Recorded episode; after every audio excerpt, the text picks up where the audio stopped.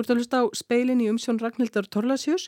Yfir 80.000 manns voru á loftslagsraðustefnu saminuði þjóðana í Dubai, tvöfalt fleiri enn í Egiptalandi í fyrra. Markir furða sig á umfanginu og við fjallum um það og eftir.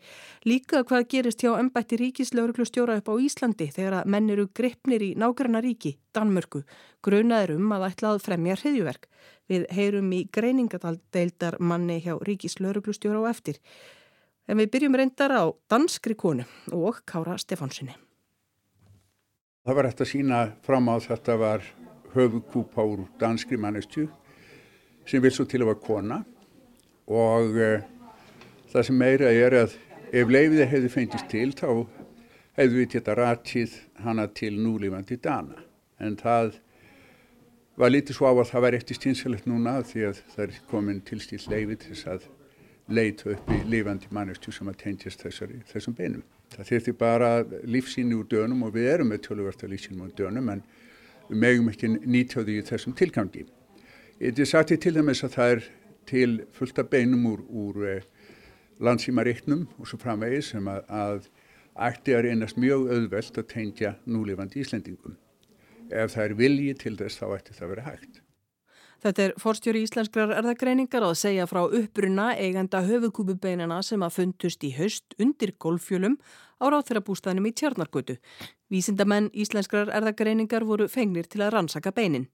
Upplýst var um upprunan á bladamannafundi í dag. Þangað fór Haugur Holmfréttamaður og rætti við Kára og mann erðafræðingana Agnar Helgason og Sunnu Ebenesersdóttur og þau útskýrðu hvernig þau fóru að því að rannsaka höfðkúpuna. Það fyrsta sem við gerum er að við einangrum DNA úr sínunu og fjölföldum það og síðan er það raðgreint og þetta, öll þessi vinna ferinu fram á dauðhrinsæri rannsókstofu sem er svona sjálflega undibúinn og er bara, bara nótið þeim tilgangi að vinna með fórt DNA.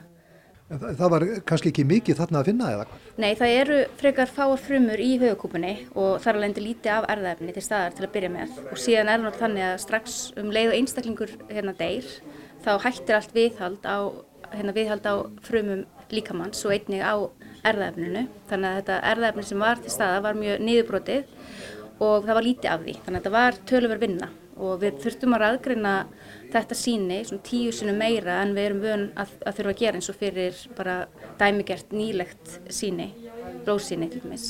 Þannig að þetta var að vinna, já. En svo var DNA úr mörgum fleirum hann að rugglaða það eða trublaða það vinnuna?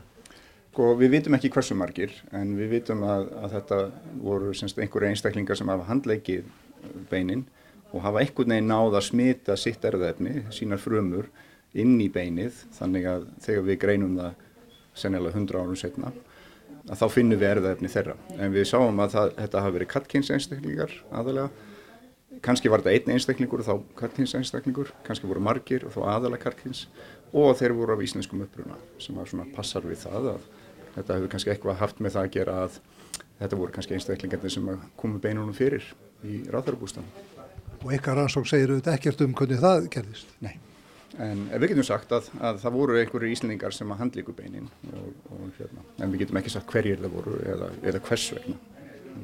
Þegar þið fengu þessi brott í hendurna nú, hvað það segja, letuðu svo mikið vel út því að við erum notað sem öskubakki eða eitthvað alls konar mengun á þessu byggustu við að ná ykkur? Já, já, ég meina Sunna hefur verið að vinna inn á rannsóndarstofu að, að glíma við alls konar eh, bein og tennur frá landnámstíma og ég menna það hefur tekist að einangra erðaefni úr sko 500.000 ára gömlum beinum. Þannig ef að varveistu skiliriðin eru rétt að þá er oft erðaefni í svona gömlum beinum. Þannig að það var í rauninni kannski koma óvart hvað var erfitt að ná erðaefni úr þessu af því að þetta eru bara frá 1700 veist, þannig að þetta er ekki 400.000 ára eða 500.000 ár sko. Segjur okkur kannski það að varveistu skilin hafa ekkert verið að selja góð hérna undir þiljum hérna í ráðhverjabústanum Þetta er ekki gott líkús? Nei. Nú vinnir þið, eins og þau komum fram, þið vinnir nú aðalega í því að finna sko, stökkbreytingar og fleira í þeim tilgangi að lagna sjúkdóma. Svona fyrir ykkur sem výstamenn, hvernig var að fá þetta verkefni í hendunar? Við höfum verið að vinna tölvert í því að raðgruna erðafni úr fornum líkansleifum. Við höfum verið í samstarfi við þjóminnsafnið og höfum verið að raðgruna líkansleifa alveg frá landnámsöld. Þannig að þetta er ekkit svona utan þess ramma sem við erum ofta að gera í dagstaglega þannig að en þetta var að svolítið öðru í sig vegna þess að það var svolítið, alveg, það var smá pressa að ná allavega einhverju erðafni úr þessari, þessari líkamslegum. Samhengið er annað og, og það er óveinilegt að vera með svona spurningar um stakan einstakling. Við erum yfirlegt að vinna með hópa. Þannig að þegar við erum að vinna með gamla líkamsleifar þá erum við að reyna að varpa ljósi á sögu þjóðar, sögu íslendinga, landnámið og hvernig erðamengi hefur breyst yfir tíma. En það er óveinilegt að vera einblýna svona á einn einstakling. Þegar þú býður fram aðstofið að finna, fá út botni í þetta mál, varstu bjart síðan á að þið mynduð ná þá þessu?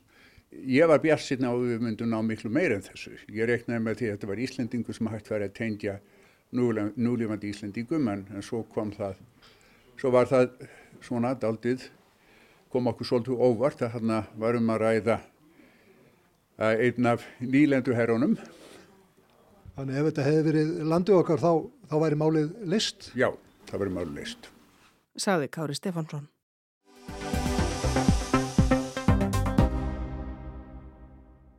Áætlað er að yfir 80.000 manns hafi komið saman á 28. lofslags ráðstefnu saminuðu þjóðuna í Dubai sem lauk í vikunni. Þetta er samanlagur íbúafjöldi Kópavoks og Hafnarfjörðar. Ráðstefnan var svo lang fjölmennasta til þessa Tvöfalt fjölmannari en svo sem haldin væri Sjarmel Sheik í Egiptalandi í fyrra. Þarna sapnaði saman fjölbreyttur hópur fólks, þjóðarleitór og aðrir hátsettir stjórnmála og embættismenn, sérfræðinga fjölda flestum sviðum vísinda og þekkingar, fjölmiðla fólki í stór hópum, fulltróar umhverfis og náttúruvendarsamtaka, lofslags erindrekar frumbyggja þjóða og smára eiríkja sem stafar sérstök ógnaf áhrifum hlýrandi lofslags og herskarar hagsmunageslumanna yðnaðarins, líka orkuðinaðarins og þá ekki síst jarðefna elsneitis yðnaðarins sem stafar sérstök ógn af baráttunni gegn losun gróðurhúsaloftegunda. Frá Íslandi fóru um með yfir 80 manns, þar af um 20 til að kynna aðferði við að binda kólefni í bergi, hafi eða einhverju öðru en gróðri og 17 fulltrúar íslenska orku yðnaðarins en líka allmargir sérfræðingar á hennum ymsu sviðum umhverfis og lofslagsmála, bæði til að kynna sér þróun og nýjungar á sínu sviði og til að kynna öðrum það sem hér er að gerast. Theodora Mattíastóttir, sérfræðingur á sviði lofslagstjónustu og aðlögunar á Veðustofu Íslands, var í þeim hópi.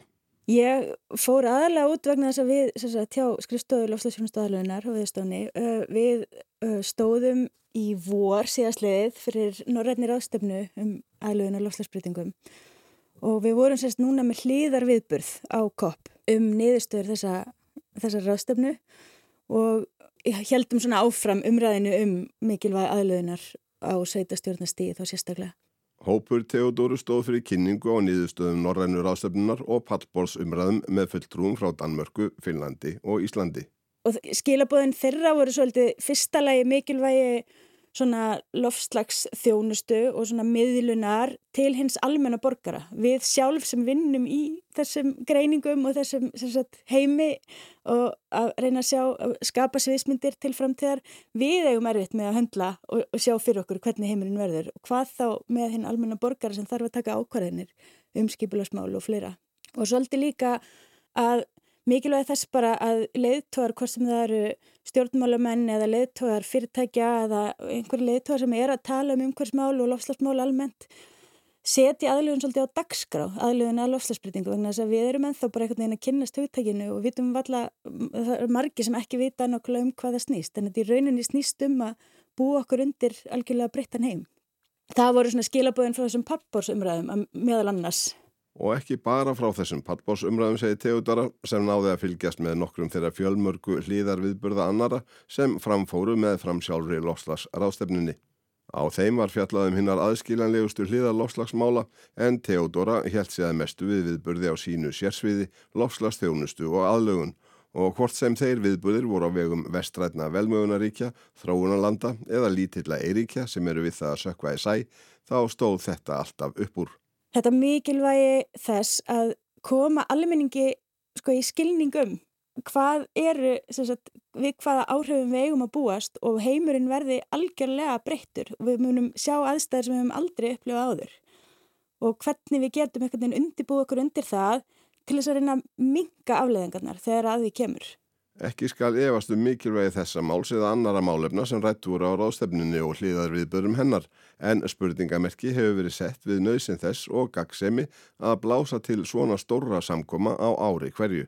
Árni Finnsson, formaði Náttúruvendarsamtaka Íslands, fór ekki til Dubai en hefur sótt ófáar fyrri ráðstefnur. Hann segir að færð hafi verið ágætis rauk fyrir því að takmarka árlega fundi við helstu samninga og sérfræðingarnemdir ríkja heims sem gætu þá fundaði höfustöðum saminuðu þjóðana í New York eða öðrum bækistöðum samtakana án þess að hagsmunageslumenn ólju, gas og kólaðinaðarins séu með puttana í því en efna svo til stærri ráðstefna á fimm ára fresti eða svo. Hann bendir á að í Dubai hafa á þriðja þúsund fulltrúar óljuðinaðarins, fleiri en fulltrúar tíu minnstu eríkina til samans verið samankomnir. Theodora sem var á sinni fyrstu loslasrástefnu segir margt til í þessari gaggrinni en að stóru viðburðir eins og þessi hafi líka sína kosti. Eins og ég segi, þetta er fyrsta skipti sem ég hef komið þarna og þetta er allt mjög yfirþyrmandi en, en svo á móti kemur að manni finnst í alverðinni svona samskipti og miðlun upplýsinga á staðinum, það, það skipti máli að bara að sjá hvað aðrir eru að hugsa og margir eru í allt öðrum sporum og við þurfum líka að hlusta á ég er ekki að segja að við þurfum endilega að hlusta á óljur í svona en, en við þurfum samt að hlusta á alla og heyra þeirra afstöðu. Það eru margir sem eru bara hafa það ekki af gott og við og við þurfum einhvern veginn að skilja allra afstöðu allra finnst mér Og ég held eitthvað einn, þó ég veit ekki mögulega að vera alveg hægt að breyta eitthvað formatinu, en það eru haldnar ímiskonar ráðstöfnir um alls konar hluti sem skipta miklu meina máli um allan heim, næstu hjá hverjum degi. Þannig að þó, þetta er svona, ég veit ekki hvort að þetta er endilega eitthvað svona punktur sem að, veist, það er bara alveg, alveg mjög merkilegt að fólk komi allt saman til þess að tala um lofslagsmál. Það er mjög merkilegt og þetta hefur áhrif á svo rosalega margt og þetta er ekki bara eitthvað, eitthvað svona einstætt bara útblástur heldur, þetta, þetta snýra svo mörg. Umfangið er eitt staðsetningin annað og margir hafa sett spurningamerki við að halda lofslagsraðstefnu í ólíu og einræðisríki. Árni Finnsson er eitt þeirra. Það sem er náttúrulega erfitt fyrir frjálfsfélagsamtök er að saminu arabísku fyrstadæminu er ekki líraðisríki. Það var hægt að mótmala innan búðar svo að segja innan þeirra veggja sér ástæfnum að haldin. Það er ekki að mótmála utan ráðstefnu hérna salana og nú er ég síðast að næsta ráðstefninu haldin í Azerbaijan sem er annað svona einræðis óljuríki þetta er mikilvægt í, í því ljósi að sko til að almenningu geta haft áhrif og, og komið sínum skoðunum að þá, þá þarf að vera líðræði líðræðislega leikreglur og Og svo er annað, þarna voru náttúrulega gríðarlega mikið af lobbyistum fyrir ólíðinaðin og, og gasiðinaðin og hvaða ekki er og þau fyrirtæki hafa margfald, margfald fjármagn með að við frjálfsfélagsamtökaði jafnir einstakar ríki. Og Theodóru fannst umhverfið ráðstefnunar óneittenlega líka nokkuð sérstakt. Við tókum metro, erum mjög góða metrosamgöngur hjá þeim, eða lestasamgöngur og við tókum metroði frá hotellinu og fórum svona góðan spöl upp á ráðstefnusvæðið og næstu í alla leðina horfið maður á stóra strompa sem að spúðu út mengun og mengunin var til til að þykk svona í loftinu, maður fann alveg fyrir henni sko. og það er svona út af fyrir sig bara svolítið svona merkilegt og, og svona svolítið mótsögn en svo fannst mér líka svona sem að svona stakk mér svolítið, það var þessi rosa svona neistlu higgja þarna og það til dæmis, þú veist bara dagana sem við vorum úti rétt áður en að rástefnan kláraðist og þá var verið að auglýsa eitthvað að, að væri að byrja bara svona hérna verslunar háttíð sem átt að standa yfir í, held ég, meira en viku, hvort það voru þrjárvikur eða eitthvað svolítið. Þannig að mér varst það líka svona, þetta var allt svolítið svona, já, svona svolítið mótsögn, en það kannski á móti getur maður kannski svona reynd að setja sig í þann gýra að þá er þeimun betra að, að þetta fólk sé virkilega að, að koma með input inn í, í samninga um lofslagsmál. Saði Teodora Mattiastóttir, Ævararn Jósefsson tók saman.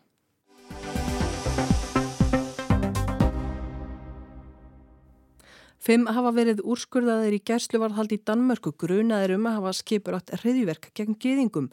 Einni gæsluvarðshaldskröfu var hafnað. Aðeins tveir hinna handeknum eru þó í haldi þar sem að henni voru fjárstatir þegar að úrskurðurinn var kveðin upp. Danska ríkisútvarpið segir tvo af þeim sem ganga lausir verið samtökunum Loyal to Familia sem voru bönnuð með hæstaréttarúrskurði fyrir tveimra árum. En hvað gerist hjá ennbætti ríkislauruglustjóra upp á litla Íslandi þegar að svona stendur á hjá nágrunanum? Ég rætti á þann við Runolf Þórhalsson aðstóðar yfir lauruglu þjóni greiningadelt ríkislauruglustjóra. Það er þannig að við erum að fá upplýsingar frá okkar samstagsaðilum sem að við erum að meta og greina. Við fylgjumst mjög náið með því sem er að gerast í Európa og helstu nákvæmlega löndum og þó svo að við breytum ekki hættust í hér sem er nú svona mjög líklegt að verði ekki. Við munum ekki breyta hættust í hér allavega ekki á næstu dögum eða vikum að þá erum við að vinna með breytt viðbúnaðarskipula og, og það hefur verið svo sem í, í hjá okkur verkefni í, í tölvaran tíma. Þegar það svona gerist eins og í Danmörku, þá fáið þið upplýsingar, þið ferða að skoða hvort að sé einhver hér heima, hvort að sé einhver tenging. Er það ekki rétt skili hjá mér?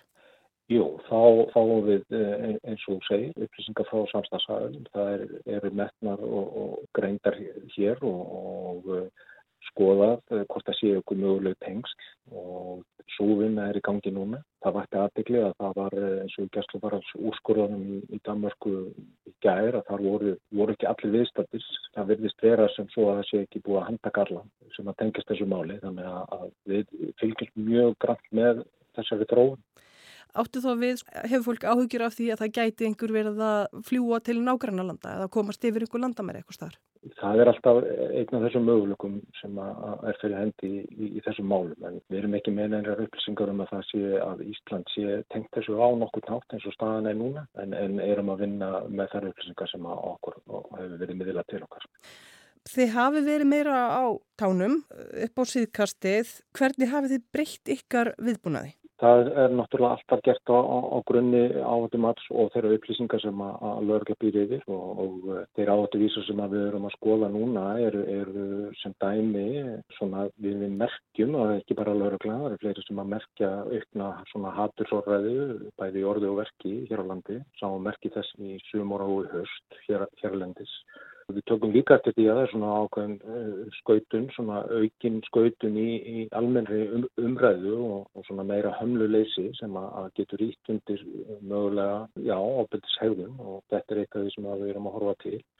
Fleiri áhættu vísar sem að, að við horfum til eru til dæmis þessar kóranbrennur sem hafa verið erlendis mikið á Norðurlandunum sem að, að hérna, tengjast okkur nánum böndur náttúrulega og síðan þessi miklu átök fyrir botnum miðra ás að, að þau hafa hér áhrif líka. Þannig að undanfarnar mánuði höfum við verið að bæta e, í viðbúna lörglu vegna þessa.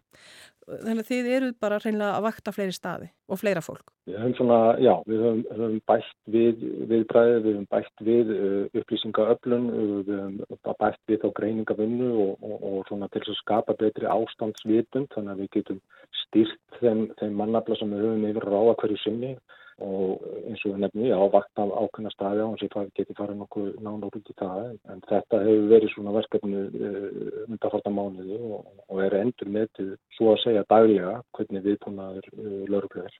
Er það hlera fleiri? Uh, eins og staðan er núna er, er, er greiningadeildin ekki með meina uh, rannsóknar úrskurði í gangi. Eru þið sko að vakta ráðamenn meira? Við eh, erum búin að vera í, í vinnu varðandi öryggi eh, aðstur aðamanna eh, í, í tölvest langan tíma. Svo endur skoðan að vinna er búin að vera í gangi í tölvest langan tíma. Þannig að á þess að ég geti tjá mér svona beintum öryggisástafanir að þá er það verkefni sem að, að við erum að fókusera meira á þessar þessa vikunar og mánuðinu. Er eitthvað fólk hér sem að þið hafið áhegjur af að gæti verið hættulegt? Það er svona daldi vant fyrir mig að svara þessu eins og, eins og ég sagði á þannig að við erum ekki með einar uh, rannsóknar aðgerðir eða úrskurði á grundvelli uh, domstóla í gangi en, en við erum með öflugri upplýsinga öflum í, í, í gangi og erum að, að fókusera á það núna að, að geta verið með öflugri löggjastlu á, á ákveðnum stöðum þannig að við erum það þund skipuð hérna því miður að við verðum að vinna þetta á, á, á grundvelli góðra upplýsinga og, og til þess að við getum styrkt lögreglu fólki betur. Þið eru með viðbúnaðarstig ákveðin? Við erum á viðbúnaðast í tvö. Eh, það var hækkað í eh, áspyrjum í 2022 og innan þess viðbúnaðastegs getur lauruglega hreift sig tölverst á þess að hækka eða lækka um viðbúnaðasteg og, og það er það sem við höfum verið að vinna með undarfaldamánu. Við getum tímabundið, aukið viðveru á, á ákveðnum stöðum, verið með aukið viðbrað í, í, í einhvern ákveðin tíma og, og það er það sem við erum að vinna með. Núna í höst hefur ástandið eiginlega verið þannig að við erum meir og minna undarfarnar vikur og mánuðin búin að vera með tölvert meira viðbrað í gangi heldur við um síðan uh, áður. Þetta var Raunálfur Þór Halsson aðstóðar yfirlauruglu þjóttni greiningadeild Ríkislauruglu stjóra. Fleira er ekki í speklinum. Tæknimaður var Mark Eldredd. Hægt er að hlusta á speilinu í spilararúf og helstu hlaðvarpsveitum. Verðið sæl.